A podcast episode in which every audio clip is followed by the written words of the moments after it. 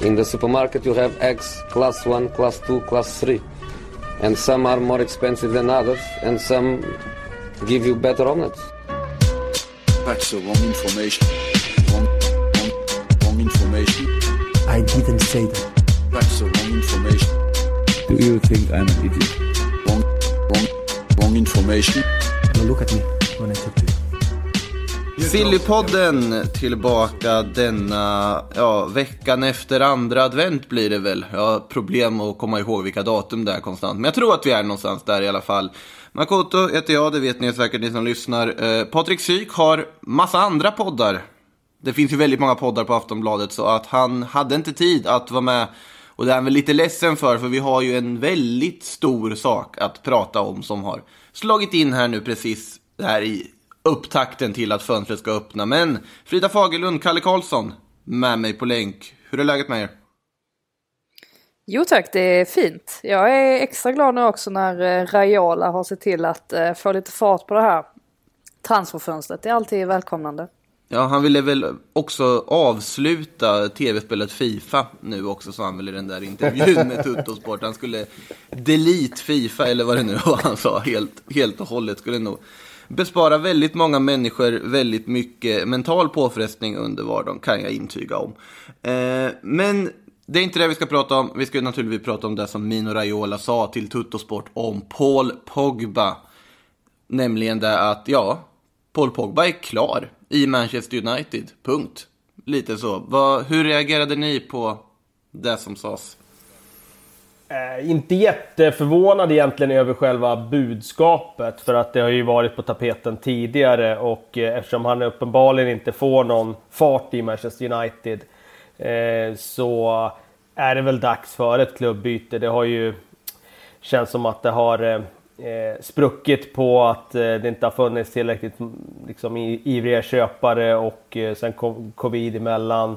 Eh, det är naturligt att eh, jag tror alla parter tittar på att eh, eh ja, släppa spelaren nästa sommar. Däremot är jag väldigt förvånad över att eh, Trots att det är minus är jag ändå förvånad över att han går ut med det på det här sättet nu. Det är ju inte så att det hjälper varken spelaren eller klubben där han spelar i det här läget att han går ut och säger det så explicit. Så att eh, det var ett utspel som skakade om lite runt om i, ja, i Manchester United såklart, men även eh, eh, runt om i, i fotbolls-Europa när det kommer från en av de tyngsta agenterna. Mm. Ja, ja, ni skulle sett reaktionerna i, i, i morgonens eh, tidningar här. De, var inte, de är inte speciellt nöjda om man säger så här borta med eh, hur Raiola har eh, eh, hanterat det här. Särskilt inte med tanke på att Manchester United då ska spela en alltså, ödesmättad eh, avgörande match mot RB Leipzig. Det var inte riktigt den här uppladdningen de hade tänkt sig eh, att det skulle bli. Är ni förvånade över tajmingen? Att den kommer nu? Ja, det är ju. Jag tycker att även Mino Raiola borde ta det i backning. Eh, nu är det visserligen inte han som bestämmer när, han, när intervjun med Tuttosport görs och publiceras. Men eh, han hade ju kunnat eh, hållit på det här lite till. Jag tycker också, jag förstår reaktionerna i England att det är klart att det här är väl inte det som skapar mest harmoni i Manchester United inför den här väldigt viktiga Champions League-matchen mot Leipzig. Eh, men jag, jag, är inte förvånad över själva eh, informationen som sådan. Att Mino tittar på att flytta Pogba, det är ju ingen skräll överhuvudtaget. Och i och för sig när man börjar bena isär grejerna så ja, det hade väl nästan alla kunnat räkna ut att, att hans fortsättning inte är i Manchester United. Kan det vara så enkelt att anledningen till att det här utspelet kommer nu är ju dels då att transferfönstret öppnar snart, men också att Pogba gjorde mål mot West Ham och spelade rätt bra där i andra halvlek för första gången på ganska lång tid. Jag vet inte, nu, försöker, nu försöker man hitta alla förklaringar till varför det här kommer just, just nu. Man mm. hade ju gärna velat höra hans, hans uh, förklaring i alla fall. Men det låter ju... Ja, men... Alltså att... Att vad heter det, när han gör ett mål, han, det finns någonting positivt. Den där prislappen har ju avskräckt alla möjliga klubbar tidigare, förra sommarfönstret om inte annat nu om man också drar ett sånt här uttalande, United blir nästan tvingade att sänka en prislapp. För det blir nästan ett ohållbart läge när han har ett kontrakt som sträcker sig ett och ett halvt år till, till sommaren 2022. Det är helt öppet nu indikerat att Pogba kommer lämna. Mino Raiola brukar väl ändå få igenom det han vill när det kommer till sina klienter också i sådana här sammanhang. Och Ja, det... då hamnar United i Åh, ett sånt läge. Nej, men då hamnar United i ett sånt Ja. läge liksom. Nej men precis, för jag tänkte på det också för jag blev så förvånad över att eh, Pogba även avslöjade de här eh, komplikationerna som han fick efter covid-19. Och tänkte att eh, varför berättar han detta just nu? Varför berättade han inte detta när han liksom var som mest drabbad av detta i slutet på augusti och hela september i princip och även delar av oktober. Och just det här att då kanske han har hållit på detta tills han har visat någonting på planen. Och sen så kommer det här utspelet kort senare. Jag vet inte, det kändes som att det var... de kände kanske båda två att det var bra timing att börja släppa på lite grejer. Men jag vet inte. Jag tror, i- jag tror i de här konspirationsteorierna ska man ju inte avfärda så. Utan jag tror att allt som görs idag med hjälp av agenter och folk runt omkring och PR och så vidare, det är genomtänkt oftast. Eh, och när det inte är genomtänkt då är det det när det blir rejäla snedsteg från spelarna när de ska hitta på egna grejer. Men när agenterna gör saker så brukar det vara genomtänkt. I, de spelar spelet så att säga. Och är det någon som kan spela spelet så är det ju Mino. Eh, han har gjort det förr och han brukar, som du säger Makoto, han brukar få sin vilja igenom. Han kommer få det den här gången också. Jag tror i och för sig inte att det är tvärt emot vad Manchester United vill. Jag menar, Paul Pogba har ju inte han har ju inte hittat en jämn nivå där han har presterat sett till vad förväntningarna ligger över tid. Utan det är en match som är jättebra här och där. Och så går det två, tre matcher där han inte presterar och så är det en bra match igen och så vidare. Och det, det räcker inte riktigt för Manchester United. Eh, inte när han tar så mycket plats och kostar så mycket med att ah, saker och ting ska gå genom honom och, och liksom, jag tror att jag tror att han kostar för mycket sett till vad de får ut av honom. Det som är Så- synden då är ju det här att alltså efter att Bruno Fernandes hade kommit in i Manchester United i slutet av januari så såg han ju betydligt bättre ut när han fick spela ihop med honom.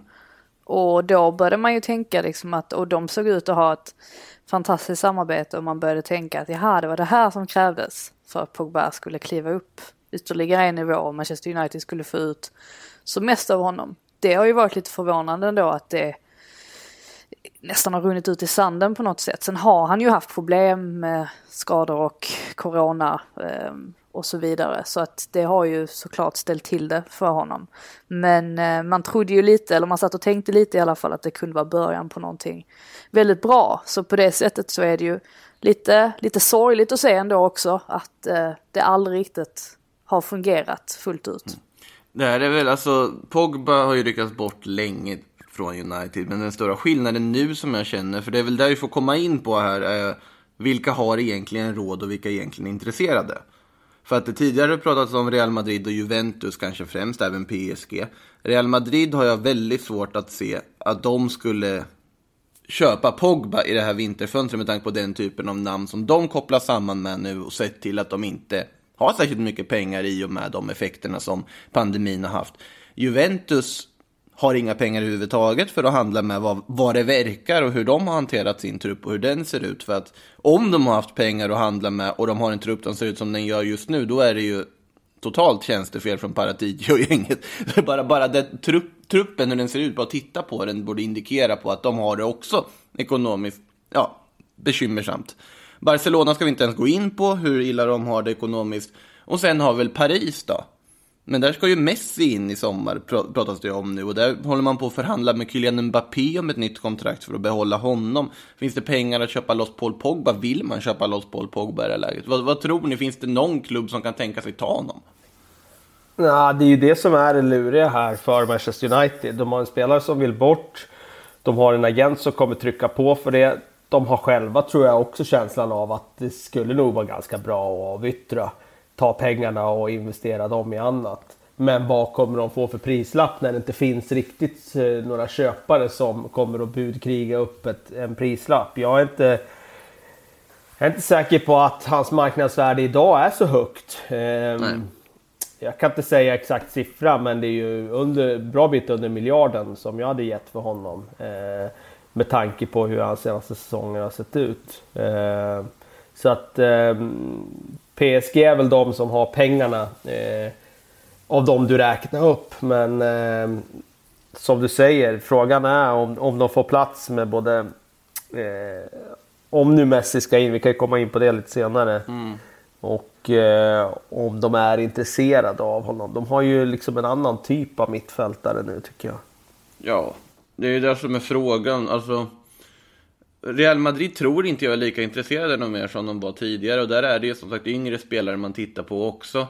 Barcelona fick inte ens ihop pengar till Memphis Depay i somras. De kommer inte ha pengar oavsett hur mycket reapris det blir på Paul Pogba att, ja, att värva honom. Eh, så det, alltså det enda alternativet, Juventus kanske, men då känns det som att man måste lyckas göra sig av med någon. Typ att man får lite pengar för Paolo Dybala. Men allting hör ju ihop också så att, ja. Men kan man inte tänka sig att det kommer att bli en sån lösning som United har gjort med i princip alla på sistone känns det som. Alltså med både Alexis Sanchez Ska inte och... Inter? Luka... Nej men ja, i och för sig. Det hade ju varit väldigt passande. By, byte, rakt byte mellan Pogba och Eriksen. Nej men eh, alltså det känns inte som att det kan bli då alltså, en utlåning först och främst. Där, Ja.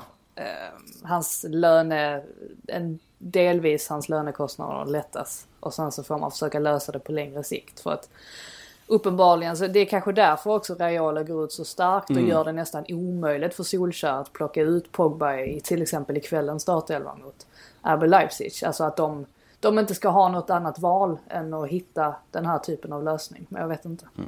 Eller så var det, har alla misstolkat det här att Raiola kände att det här målet mot West Ham, det var liksom piken. Han är klar nu. Det, liksom, det finns inte något större han kan göra för klubben än det här. Alltså det var ju, det var ju ett snyggt mål ju så att det ska man inte ta ifrån honom. Ja, viktigt mål också, när de vände där. Men det var bra att du nämnde Eriksen ändå, där i det här sammanhanget här, för att tänkte Ja, vi skulle gå vidare. varsågod. Ja, det var så lite.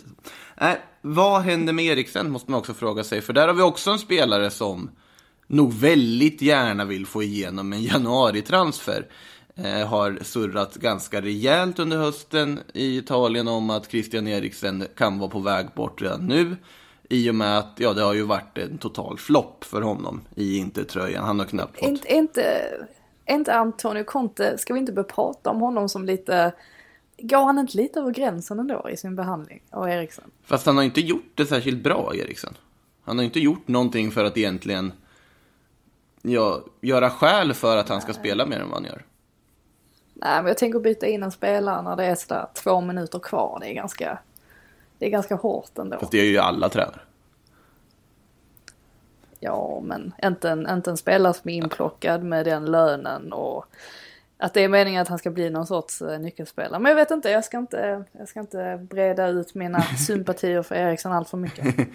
Eh, men i alla fall, Eriksen nu senast här mot eh, Bologna firade inte segern var naturligtvis någonting som italienska medierna högg till på där att han, han inte såg så glad ut helt enkelt. Och det har ju ryktats om alla möjliga affärer. Det här bytet med någon sorts lånebyte mellan Paul Pogba, för United har ju kopplats till Eriksen fortfarande och görs det nu också. Jag Förstår fortfarande inte varför det kopplas centrala offensiva mittfältare till United, men det är en annan sak. Eh, sen har det även pratats om ett lånebyte mellan Eriksen och Jordan Fertou, mellan Inter och Roma. Inte kanske lika hett för Christian Eriksen, han vill väl snarare lämna Italien känns det ju som, sett till hur det har gått där. Eh, Arsenal har nämnts. Jag har svårt att se Arsenal bli någonting med tanke på kopplingen till Tottenham. Och det sägs att han har erbjudits tillbaka till Tottenham med någon form av deal från Inter. Det Mourinho vänligt men bestämt ska ha sagt nej tack. Eh, vad tror vi om Christian Eriksen och hans situation egentligen i det här läget? Blir det en januariaffär? Jag, jag kan utesluta att det finns någon väg tillbaka till Tottenham. Jag tror inte Mourinho är sugen på att plocka Nej. in den typen av spelare nu när han satt ett helt annat typ av, av spel i Tottenham. Och jag tror inte han vill ha in den typen av... Jag menar, eh, nu vill han ha mittfältslungor där som löper upp och ner och täcker ytor. Jag tror inte att han är så intresserad av att plocka in Christian Eriksen. Så att den, den vägen, eller den dörren, den kan jag stänga. Ja, den- den stänger. Eh, England är ju inte helt stängt. Det är klart att det kan finnas någon klubb där som vill plocka in honom. Men jag är lite tveksam ändå. Alltså. Det, Alltså, det har hans ju- kurva har ju inte pekat uppåt senaste. Nej, alltså det har, det har ju det här ryktet, Arsenal-ryktet. Det, det verkar ju helt, eller det känns helt omöjligt på ett sätt och på ett annat sätt så känns det som att eh, man är inte, man är inte sådär jätteförvånad ändå av att det dyker upp. Nej. Men det är ju, alltså om jag skulle få bestämma så är det ju verkligen inte den typen av spelare som Alltså Arsenal behöver rent, jo de behöver det rent sportsligt sett när Christian Eriksen är på sin, alltså sin, när han har sin bästa nivå eller uppe på sin bästa nivå. Då hade de behövt honom, men hans lynne eller vad man säger, eh, kynne, vad säger man? Eh, det är båda, kanske inte det rätta för Arsenal. Ja det går, går kanske. Det var bra att jag, jag körde en helgardering Det där. är bra. Eh, ja, men alltså det, det kanske inte Arsenal nödvändigtvis behöver. Och plus att jag vet inte om Arsenal-supportrarna hade tagit emot honom med speciellt öppna armar. Det har varit nästan lite för många av den typen av värvningar nu på sistone med spelare från Arsenal och så vidare. Ja, jag vet inte, skulle han få Sol Campbell-behandlingen hos Tottenham-fansen ifall han dök upp i, i en Arsenal-tröja? Nej, inte riktigt så, men eh, det, det, det tror jag inte. Den var ju så extrem eftersom Sol Campbell var så extremt eh, omtyckt och går då som bossman dessutom. Eh, alltså han går på free transfer rakt över till, till Arsenal. Den, den är svårslagen när det handlar om det. Men det är klart att det skulle vara eh, det skulle vara sura miner om han klev över till Arsenal. Det, det är självklart. Mm. Men alltså det här Eriksen plus cash eller något form för Pogba. Alltså den, om nu Pogba skulle kunna tänka sig att spela för Inter när de andra alternativen har försvunnit. Jag ser det ju inte som helt omöjligt ändå. Alltså, det, ja han siktar ju på större klubbar egentligen men samtidigt så har ju Pogbas marknadsvärde som vi var inne på sjunkit. De stora klubbarna kanske inte riktigt har råd eller intresse för att de har andra projekt på gång med yngre spelare. Inter. Ja men vad finns det plats för Christian Eriksson då i Ja, det skulle ju vara som eh, liksom en, eh, en åtta bredvid, bredvid Bruno Fernandes då i så fall. Ja, det, Han är ju inte jättegammal fortfarande. Han är ju bara 28 fortfarande. Man tänker ju att han har varit med så jäkla länge och, och så. Men eh, det är klart att han har några år kvar. Men då måste Alltså kan han ju han, kan han spela till höger? hoppa upp i sadeln igen. Det har han aldrig gjort. Han Ah, har bara spelat, han har spelat till ah. vänster lite grann. Nej, högre kan han Men alltså, alltså så här, smarthet Inte i vilka positioner du ska förstärka har ju inte egentligen varit ett hinder för United tidigare. Nej men de, de vill väl helst att det ska bli ett hinder hädanefter. Men ja, ja, ja, det är en annan, det är en sak om man vill Fast och de har ju skärpt till sig lite när det gäller värvningar. Det får man ju ändå Det tycker säga. Eh, senaste ett och ett halvt åren så, jag menar Bruno Fernandes, Van Bissaka. Eh, det har ändå varit okej värvningar. Och Maguire också faktiskt. Maguire också, även om han kostade för mycket så, så har han ändå förstärkt dem. Eh, Ja, ja. Så att... Eh, ja, nej, de, har, de har höjt sig lite, men det är klart, så ser man i backspegeln de senaste fem åren så är de ju kapabla till vad som helst i stort sett. Det kommer bli en del United kan jag varna er som lyssnar för här under det här avsnittet. För det händer ju en del och det är mycket som kanske är både in och ut. Men i och med det här som vi pratar om också just smartheten i värvningar så var det här ryktet någonting som förvånar mig ganska mycket. För det känns inte som någonting de behöver förstärka. Det finns väl annat de behöver göra. Kieran Trippier. På tal om gamla Tottenham-spelare som har dragit eh, söderut i Europa för att testa lyckan. För Kieran Trippier har gått mycket bättre än vad det gjort för Eriksen. Han har ju varit strålande stundtals i Atletico Madrid som går som en ångvält i La Liga. Men han uppges nu vara av intresse för United som ska titta på en ny högerback för att avlasta Aaron Wan-Bissaka. Känns inte Trippier som något för bra för att värva in för att avlasta Aaron Wan-Bissaka? Alltså jag förstår varför United är intresserade av Trippier. Men jag ko- kan ju aldrig tänka mig att Trippier skulle vilja flytta dit. Just av den anledningen då att Nej, vara någon precis. sorts backup. Så att, um, alltså problemet med Wan-Bissaka ehm, har ju varit att eh, han är extremt duktig um, en mot en i försvarsspelet. Och ehm, är överlag väldigt behjälplig just defensivt. Men att han saknar en del offensivt för att kunna spela i en ehm, i, en, i en stor klubb på det sättet. Alltså han hänger inte med upp lika ofta som han borde ha gjort. Jag tycker man har sett det också i matcher där han faktiskt har gjort det. Eh, och han har hängt med upp betydligt mer. Så har det också gett en helt annan dimension till Uniteds eh, anfallsspel. Så att jag, jag kan förstå det på det sättet att man kanske kikar på en högerback, en backup då. Ordentlig en som har offensiva kvaliteter. Men som sagt, jag kan ju aldrig tänka mig att Trippier som går så bra i Atleti nu skulle ge upp hela sitt liv i, i Madrid och flytta dit. Det tror jag inte. Och jag tror inte Atletico släpper heller. Eh, De har ju en jättemöjlighet den här säsongen att ta ligatiteln. Så varför skulle de släppa honom nu? Han är ju väldigt viktig för dem. Så nej, jag, jag utesluter det. Det finns säkert intresse som sagt. Men att det skulle bli av, det, det tror jag absolut inte. Håller helt med era resoneringar i det här fallet, ska jag säga. Vad säger vi om Jesse Lingard då? Han, eh, han har ju det lite tufft också. Han vill också lämna United, naturligtvis, då, i det här läget. Och då pratas det ju om ett lån i vinter, där hans representanter ska vara ute och sondera terrängen lite här. Och då ska... Det är väl Mino som har honom va? Det är det Nej, jag Nej. tror inte det Har han släppt längre. Jag honom? tror att de bröt för Ja, typ okej. en månad sedan. Har jag för mig. Ja, just det, Ja, han bytte Mino- ju efter Mino att det sket sig i somras väl? Var det inte något sånt? det. Jag tror Ja. Ja okej, Mi- Mino släppte honom alltså. det. Ja, ja, alltså så var det väl förmodligen. Kan man tänka Han- sig. Han vill väl inte lägga tid på Jesse Lingard.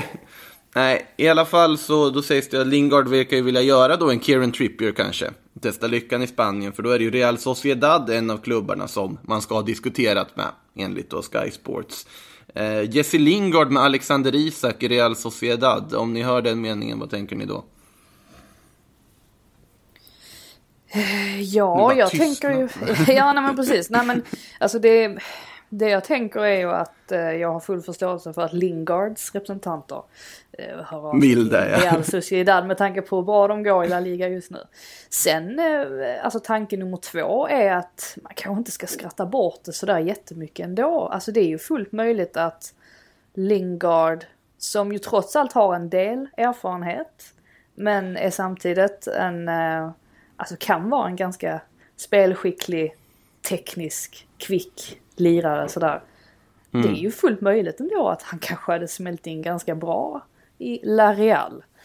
Jag, jag vet, det är ju förstås en sån där grej som man inte vet förrän man har sett det. Men samtidigt så är det ganska många spelare nu som har en tendens att gå från Manchester United till en klubb utomlands och blomma ut fullständigt. så att jag avskri- avskriver ingenting känner jag. Nej, jag är nog inne lite på samma spår där att, alltså, jag har svårt att se att han ska bara gå rakt in i en startelva, det Nej det gör Nej. han inte. Det gör han Men inte. som truppkomplement är att han och Adnan Januzaj kanske bondar där utanför planen också så att han får en bra inkörsport där också i livet i San Sebastian. San Sebastian är ju en dum plats att vara på i allmänhet. Få spela där med bra, skickliga spelare, kanske få lite förtroende, ha lite erfarenhet från den typen av matcher och kanske inte alla i den alla stjärnor i det laget har så att det, det kanske inte är så dumt men jag har, det ska ju låtas vara osagt hur intresserade Real Sociedad är i det här sammanhanget också. Eh, Ja, och de har ju varit väldigt duktiga på att rotera också får man inte förglömma. Att de roterar ju väldigt friskt. Precis. Så att Ja. det, det är ju möjligt att alltså, även om man inte värvas in som startspelare så känns ju inte speltid som någonting alldeles omöjligt. Nej, nej, nej. Alltså det, det roteras ju som du säger ganska rejält där. Och något som är imponerande med den klubben är ju ändå bredden de har på sin trupp. Sett till att de ändå, ja nu är de ju ett topplag, får man ju anse. Men rent ekonomiskt och rent storleksmässigt ändå är någon form av, ja, övre halvan mittenlag. Så det är ändå imponerande vad de håller på med. Det kan nog bli Champions League-spel för den klubben om de fortsätter på det här sättet. Vi får se hur säsongen utvecklar sig. Innan vi lämnar United så... Ole, nu går det ju ändå ganska bra för dem ska ju tilläggas. För just Manchester United i ligaspelet och så vidare. Man kan gå vidare från Champions League. Men samtidigt så ska vi väl ändå slänga in ett tränarrykte för att av någon anledning så får ju inte Ole Gunnar Solskjaer det lugnt på sin post oavsett. Nej, det kommer ju inte vara lugnt om man torskar mot Leipzig eh, i, i, alltså, så ikväll. Så Nej. Då, alltså, det kan ju förändras väldigt fort så att säga. Som han själv sa väl att eh, det är typiskt United att sätta sig i en sån här situation. Att det hör till lite på något sätt för United att hamna i det här läget där man måste vinna nu mot Leipzig. Ja, men det, det håller jag nog med Ja. honom om. Det, så var det även på Sir Alex tid. Det var sällan de avgjorde grupperna liksom och bara surfade hem sista omgången. Det var väldigt ofta det var kniven mot strupen i sista omgången, även då faktiskt. Eh, men i alla fall så, då Christian Falk på Bildt, som väl får anses trovärdig i dessa sammanhang, har i alla fall varit ute och sagt att Thomas Tuchel kanske kan vara något för Manchester United, att det åtminstone ska finnas någon form av ömsesidigt intresse och någon form av trånande blickar där. Eh, Tuchel sitter väl inte helt kassaskåpssäkert på den där PSG-stolen, beroende på vad som sker också i slutomgången här. Vad säger ni spontant bara, utan att vi går in allt för nära på det, om Thomas Tuchel i en Manchester United-bänk? Hade det funkat tror ni? Ja, inte alls otänkbart på något sätt att eh, de blickar mot honom och det, jag tycker att han tillhör ju den där... Jag tycker att han tillhör, om inte det allra högsta segmentet, så det är precis under Klopp och Guardiola och de där. De är väl uppe i någon slags premiumsegment eh, och sen finns han precis under i den skaran. Eh, väldigt skicklig tränare. Jag tror att det hade varit ja, det är definitivt ett lyft mot nuvarande eh, liksom, eh, nivå. Så att, ehm, och det är inte jättemånga av de där allra bästa som är tillgängliga. Så att jag tror att det, det är nog den kategorin de får sikta in sig på. Så det, det är nog inte omöjligt att det, att det finns ett intresse och att det finns ett intresse hos Tuchel själv Det också. finns väl ändå en del frågetecken med tanke på hur det har sett ut i PSG nu på sistone. Det var väl till och med en del PSG-supportrar som nästan satt och hoppades på att de skulle misslyckas här i Champions League så att de i alla fall skulle bli av med honom. så att man kan ju inte påstå att han har att han har, han, ja alltså visst de gick ju till Champions League-final och sådär. Eh, får man inte förglömma. Det var ju inte speciellt länge sedan. Men eh, det är inte som att han har haft eh, det sådär superlugnt i PSG nu på sistone heller. Nej, det finns ju en... Nej, det är ganska höga krav där nu också med tanke på hur de har satsat. Det är väl bara Champions League nu som, som är bra nog. Och eh, det var ju ganska nära eh, i somras får man Men har ju inte riktigt kommit upp, alltså rent spelmässigt har de ju inte riktigt kommit upp i den nivån nu på sistone. Som man kanske är van vid, dem, van vid att se dem eller där, där kravbilden finns. Så att säga. Men eh, vem vet, han kanske glider in bra där i Manchester United. Han, det känns ju onekligen som att han har, eh, vad ska man säga, personan för att kunna träna Manchester United. Han är ju väldigt sådär, eh, ja alltså han tar fighten med journalisterna och han eh, har väldigt stor, ja, och väldigt stor pondus. Så att på det sättet så eh, kan jag absolut se honom i United. Och såklart, nu ska man kanske, nu är det ju en väldigt enkel koppling att dra här. Men såklart United är väl medvetna om vad Jürgen Klopp har gjort i Liverpool. Och sen då att titta på om man kan hitta en egen, inte alls för gammal. En egen tysk. En, exakt, en energisk tränare som kommer in. Det, såklart det kan locka. Eh, någon som inte kanske riktigt är samma ja, persona i det här sammanhanget då är ju Allegri. Vi kan väl nämna honom innan vi går vidare på spelare igen. Allegri har ju kopplat samman med Arsenal. Det görs ju fortfarande där i alla sammanhang, särskilt efter då förlusten i North London-derbyt där och Mikael Arteta som inte sitter särskilt säker på sin stol kanske väl, eller? Jag tror att han Du gör tror det. han gör det Jag tror att han gör det ett tag till. Ja, det tror jag. Ni kanske var inne i det här i Eh, PR-podden. över, över nyår och en bit in på nya året tror jag inte att de byter. Men eh, skulle det fram i vår vara så att de, eh, att de går riktigt tungt. Eh, Då, då kommer det kanske vara aktuellt att göra något. Ja, Utan han har att- absolut uppbackning från, eh, från ledningen. I detta nu i alla fall. Det, det kan man slå Mm. fast. Får Allegri sätta sig ner igen ett tag inte börja koppla samman men då det, det ska ju sägas också att Arsenal, Arsenal kikade ju på Allegri då när de Mm. eh, eh, anställde, det var väl i samband med Emery eh, när de anställde honom. Men tog, eh, alltså hade honom på intervju, Allegri, men gillade inte riktigt honom som kandidat. Så just därför så har man ju kanske svårt att säga att de skulle gå, även om Arteta försvann, så har man svårt att säga att de skulle gå efter just honom med tanke på att det har sipprat ut så att säga. Att de inte var helt, helt nöjda. Eh, eller tyckte i alla fall att han kanske inte passade in i, i den, eh, ja, i, i den bilden de har av en Arsenal-tränare. Ja, det är intressant. Man undrar ju då vad det är som de har. Jag tror det var att han inte hade, alltså nu är det, nu, detta sitter så långt bak i huvudet så att det är inte sant. Men, ehm, så att eh, vissa detaljer kan vara fel. Men jag tror det var så att Allegri inte pratade under mötet. Det var någonting sånt att han, ehm, han sa inte ett, han sa, ja, han sa inte ett ord på engelska eller Ja, någonting i den stilen. Så att det, det gjorde att Arsenal avskräcktes. Men eh, vem vet om det är rätt också. Det, det kan ju bara vara ett rykte på stan. Ja, det känns ju inte så här helt eh, övertygande att gå till en arbetsintervju och sen inte säga ett ord. Bara, bara Jag tror att det där. var i alla fall eh, något Eller han hade väl entourage i och för sig som höll hans talan kanske. I någon form. Ja. Eh, Så kan det vara. ja, precis. Om, om någon hör en massa bankande nu så ber jag om ursäkt. Det, det är psyk som bygger altan i London också kanske. ja, men exakt. exakt. Eh, det är säkert det han gör. Jag tror, tror vad jag vill på det där med att det finns andra poddar i huset. Nej, men eh, det hade varit kul att vara en fluga på väggen ändå. På en sån här arbetsintervju med en tränare på liksom en sån klubb. Bara se vad de ställer för frågor om det. Ja, vad, vad vill du tillföra till det här företaget? Eller liksom, vad är det för typ av frågor man ställer? Det hade varit kul att se. Eh, om vi drar oss vidare då till spelare som finns på planen istället för tränare som finns på bänkar. Så behöver ju Liverpool en mittback. Det kan vi väl konstatera. Det vi eh, senast när jag och eh, Psyk satt här och pratade så pratade vi om allt från Ezekiel Garay till Pepe. Eh, Bildt och även brittiska medier pratar nu om Upamecano och Konate i Leipzig. Vissa skriver till och med att båda ska vara aktuella för en övergång till Liverpool i vinter. Eh, om de lyckas få både Upamecano och Konate på ett vinterfönster, då har de gjort ett väldigt, väldigt bra fönster. Men jag har ju lite svårt att se att det ska finnas pengar för det och intresse från Leipzig att sälja båda under ett fönster, eller vad tror ni? Ja, alltså.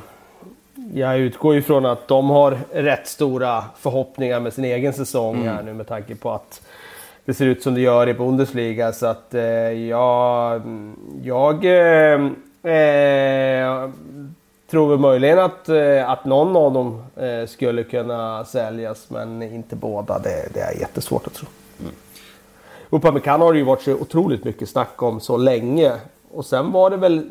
Var det inte så att han darrade lite här nu i Champions League under hösten? Och, ganska rejält och eh, sänkte väl sitt marknadsvärde lite grann med de insatserna. Eh, det är intressant att se om han, var, var han går och vad han kostar när han väl går. Det, det är lite sådär med de där spelarna som har snackats om så länge och så blir det ingen flytt. Då börjar man fundera på om det Eh, om det, vad det är klubbarna tvekar på. För just mittbackar har ju det varit så många klubbar som är så stort behov av. Så att han, bo, han borde ju vara liksom högvilt på marknaden. Och visst, nu är det ju pandemi och så vidare. Men tidigare har det ju ändå funnits pengar för att köpa loss honom och det har inte blivit av.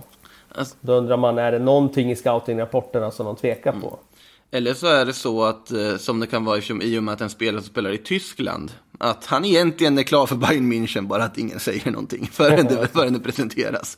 Eh, och att det är därför det är helt knäpptyst. Men vi får väl se, alltså någonstans kommer han ju flytta på sig till. Även om han skrev på det här nya kontraktet i somras så kommer han ju förr eller senare få igenom en övergång. Om Liverpool skulle hitta alltså finansiering för att värva en sån spelare i det här fönstret, då är det ju en helt fantastisk ja, ersätt, eller ersättare till Joe Gomez, även när Joe Gomez är frisk skulle jag vilja säga. Så att det, vi får väl se hur det där utvecklas, om de kör en quick fix eller om de tar, ja, går all in eller om de bara skiter i att värva en mittback. Man vet aldrig riktigt med Liverpool, även om man vet att de säkert har en tanke bakom oavsett vad de väljer att göra. Eh, vidare då till Spanien tycker jag. Vi var inne lite där på Real Madrid när vi pratade Pogba tidigare. Eh, att det kanske inte riktigt är den profilen man söker efter. Det är ju nämligen lite yngre profiler som kopplas till Real Madrid. Dominic Soboslaj, eh, ungraren i RB Salzburg och Eduardo Camavinga, ung lovande mittfältare i Rennes, sägs då i Spanien vara Real Madrids två stora januari-transfermål. Förutsatt att man nu skulle ha pengar för att värva. Eh, Soboslaj ska till och med ha fått ett personligt samtal från Zinedine Zidane över telefon, där då Zidane ska försöka övertala Soboslaj att ja, gå till Real Madrid.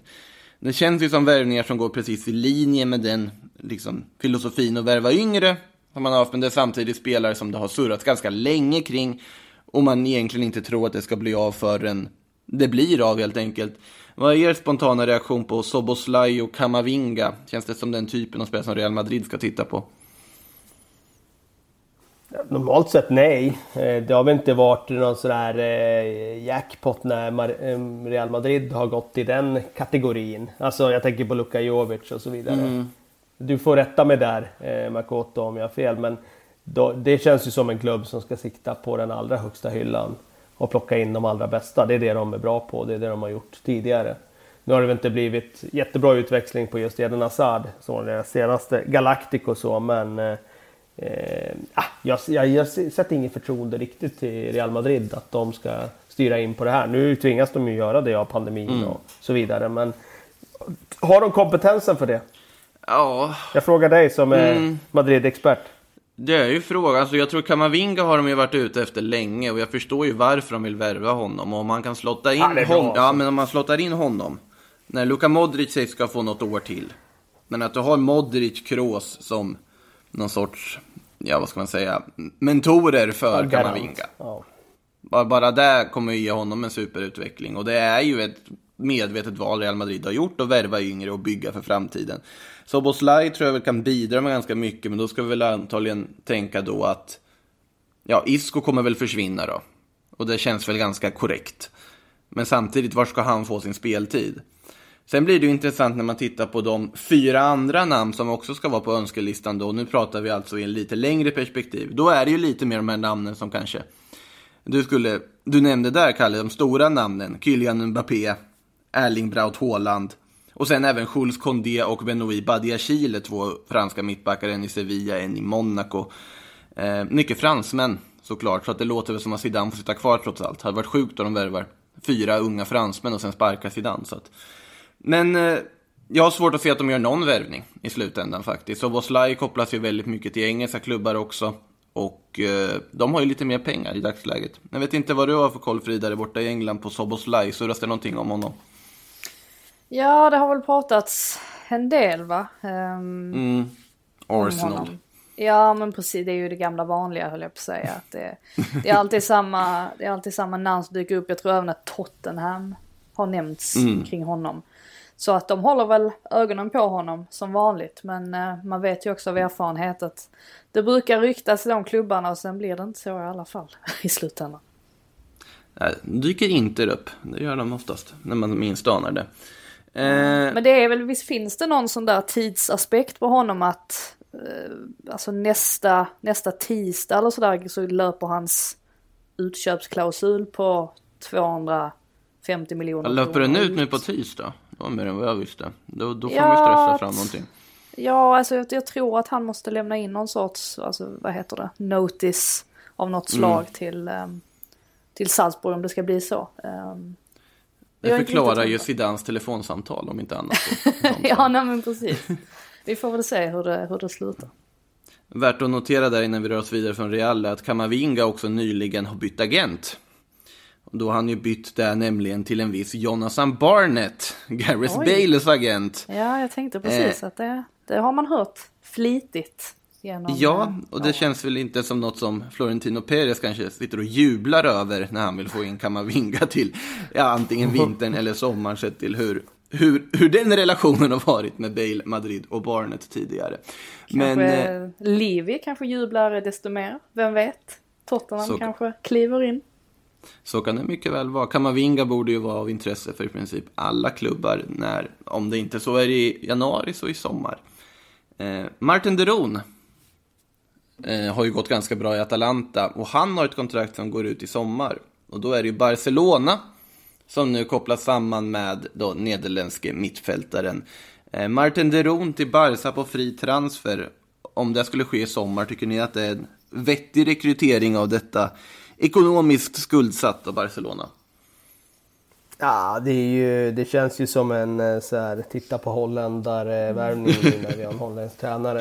Eh, han har ju varit jättebra i Atalanta, mm. eh, så det är ingen, det är ingen just liksom sådär, men det känns som... det blir lite väl sådär tydligt när det är Depay ena dagen och så är det Martin Deron den andra dagen. Ehm, så jag, jag vet inte om det är, liksom, är rätt spelare för dem. Jag, jag tycker att de eh, egentligen borde gå tillbaka till sin grundfilosofi att producera de där spelarna själva. För då har de ju eh, La Masia, Amade eh, och, och vet exakt hur de, hur de ska förhålla sig till deras spelsätt. Och jag hade ju dessutom gärna sett eh, eh, att man hade satsat på Ricky Push heter han va? Ja, han sitter ju där i den där frysboxen fortfarande. Får någon minut här och var. Ja. På tal om det här med sena två minuters inhopp.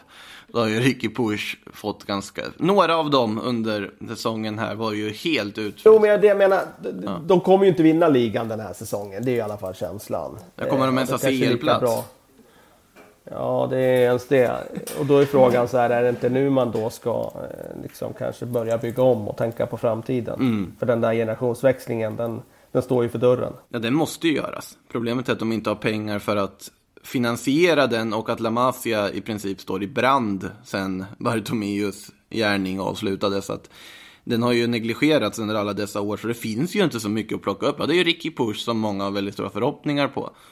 Och Ansu Fati som är någon sorts så kallad generational talent som dyker upp, sådana som man kanske inte ens kan förutse att de ska dyka upp ur en ungdomsakademi, utan de bara finns där plötsligt. Ingenting som du Ja. kan planera för att det ska dyka upp, utan det är en bonus.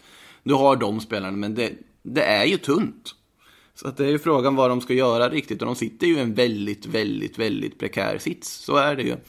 I Martin Derons fall, jättebra mittfältare, men frågan är ju där också att man minns ju vad han gjorde i Middlesbrough. Det var ju inte bra. Och Atalanta är ju ett lag där det är väldigt... Ja, Gasperinis system har ju en väldigt stor del i hur Atalanta funkar. Och frågan är hur Martin Deron skulle funka när han inte har Gasperinis system. För det är ju ofta det här med vilka spelare är egentligen riktigt, riktigt bra och vilka spelare funkar riktigt, riktigt bra i ett system. Och Martin Deron, så kanske det lutar åt det senare. Men får väl se om det blir någon övergång där. De fritransfers är väl där de får gå på om de nu ska värva. Eh, Arkadiusz Milik och Atletico kopplas samman också. Han har också slängt in här i körschemat. Eh, föga förvånande va? Nu är det rejäl Ja, jag, jag, jag tror nästan att jag måste avbryta för jag tror inte det kommer bli bättre. För nu har de börjat liksom med den delen. Så jag tänker att jag kanske avlägsnar mig. In, innan du avlägsnar dig får du säga vad du tycker om Sami Khedira i Championship. Alltså det kan ju inte vara sant tänker jag spontant. jag, jag har aldrig sett eh, Championship som en eh, liga dit liksom spelare som spelar från Juventus som har hamnat i frysboxen och är lite till åren går dit. Och när man såg klubbarna också, jag vet inte. I och för sig Norwich kanske ligger närmst till hands då med Farke. Ett, då får det bli ett korttidskontrakt, tänker jag spontant. Ehm, Men jag blir, jag blir ju otroligt förvånad om det blir av. Och så ber jag om ursäkt för de här borrningarna. Ehm, Vi får hoppas det blir fint där de händer. bygger. I alla fall. Ja, det hoppas jag med. Jag hoppas i alla fall att det, att det slutar läcka in genom taket för att det är därför de gör detta. Så att... Eh, det känns ju rimligt att börja. Ja, precis. Ber om ursäkt till alla lyssnare, men jag ska, eh, jag ska avlägsna mig nu så ni slipper detta ljudet. Hej då Frida. Hej då. Hej då. Ja du Kalle, Arkadiusz Milik då? Ja, eh, ja, var var vi någonstans? Arkadiusz Milik var vi På på. Atletico.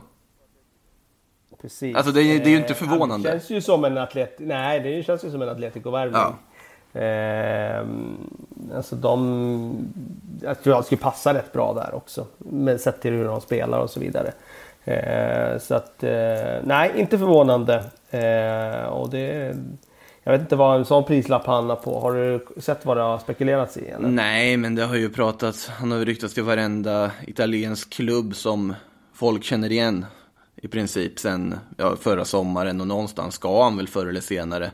Eh, Atletico känns ju logiskt på att Morata har försvunnit. Kan inte tänka mig att det skulle bli en allt för hög prislapp och om inte så är det väl något form av lån med köpoption. Kan man ju tänka sig att något sånt skulle kunna dyka upp också om man då verkligen vill ha in en annan typ av forward för att ja, piffa upp anfallsuppsättningen. Men vi får se vad... Det känns som ett så här typiskt rykte som bara dyker upp i det här läget som inte har konkretiserats särskilt mycket än. Eh, något som är väldigt konkret, vi har inte mycket innan vi ska ta någon liten lyssnarfråga innan vi avslutar här också. Jesse minns du att han är kvar i PSG, eller var kvar i PSG? Ja, knappt, knappt. Men det är en sån där bortglömd spelare. Ja, nu har han brutit med PSG, eller rättare sagt PSG brutit med honom helt och hållet. Nu är han en fri transfer igen, eller fri att göra vad han vill. Och då ska det vara dessutom inte bara för att han har varit svag på plan och knappt fått spela, utan också för att han har stökat till det utanför plan.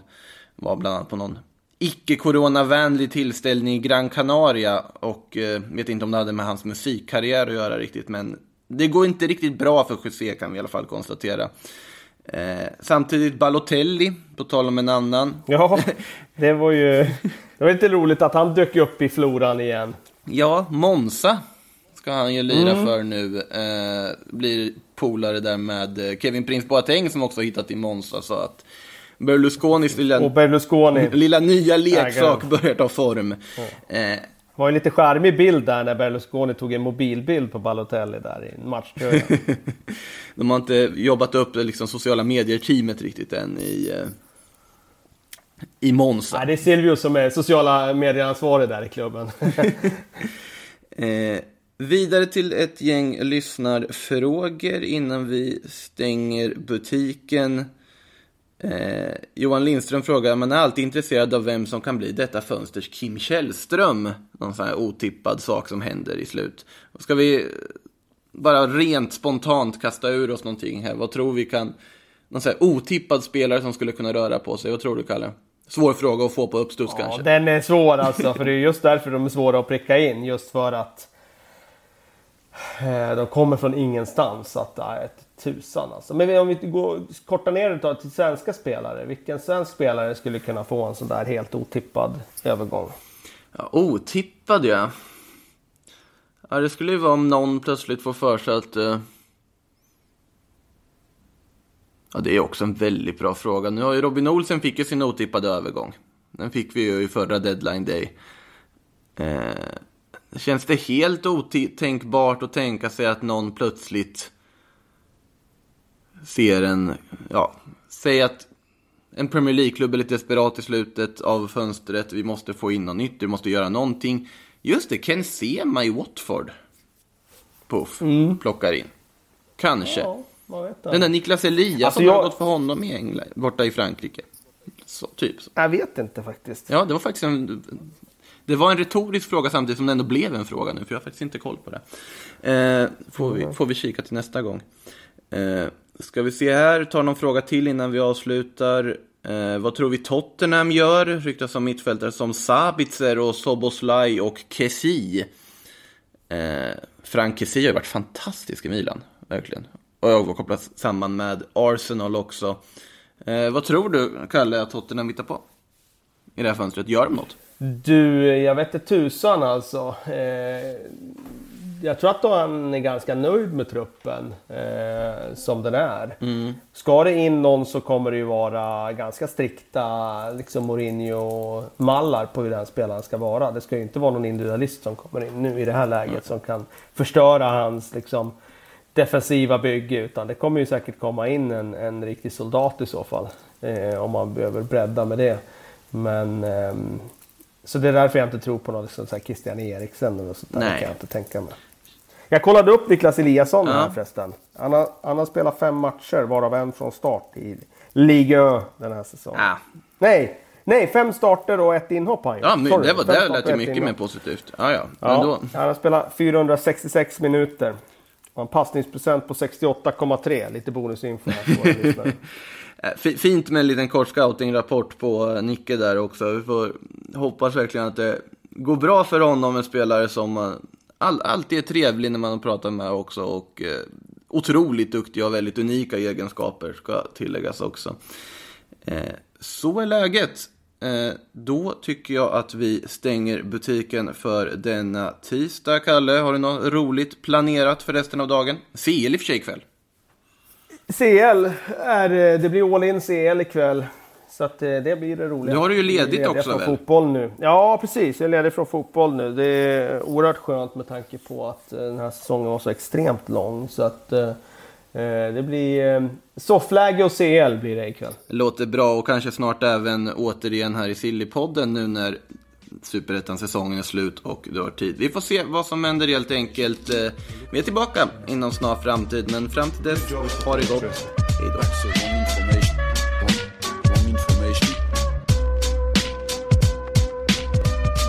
think I worked for 16 years here in England and I deserve a bit more credit than wrong information.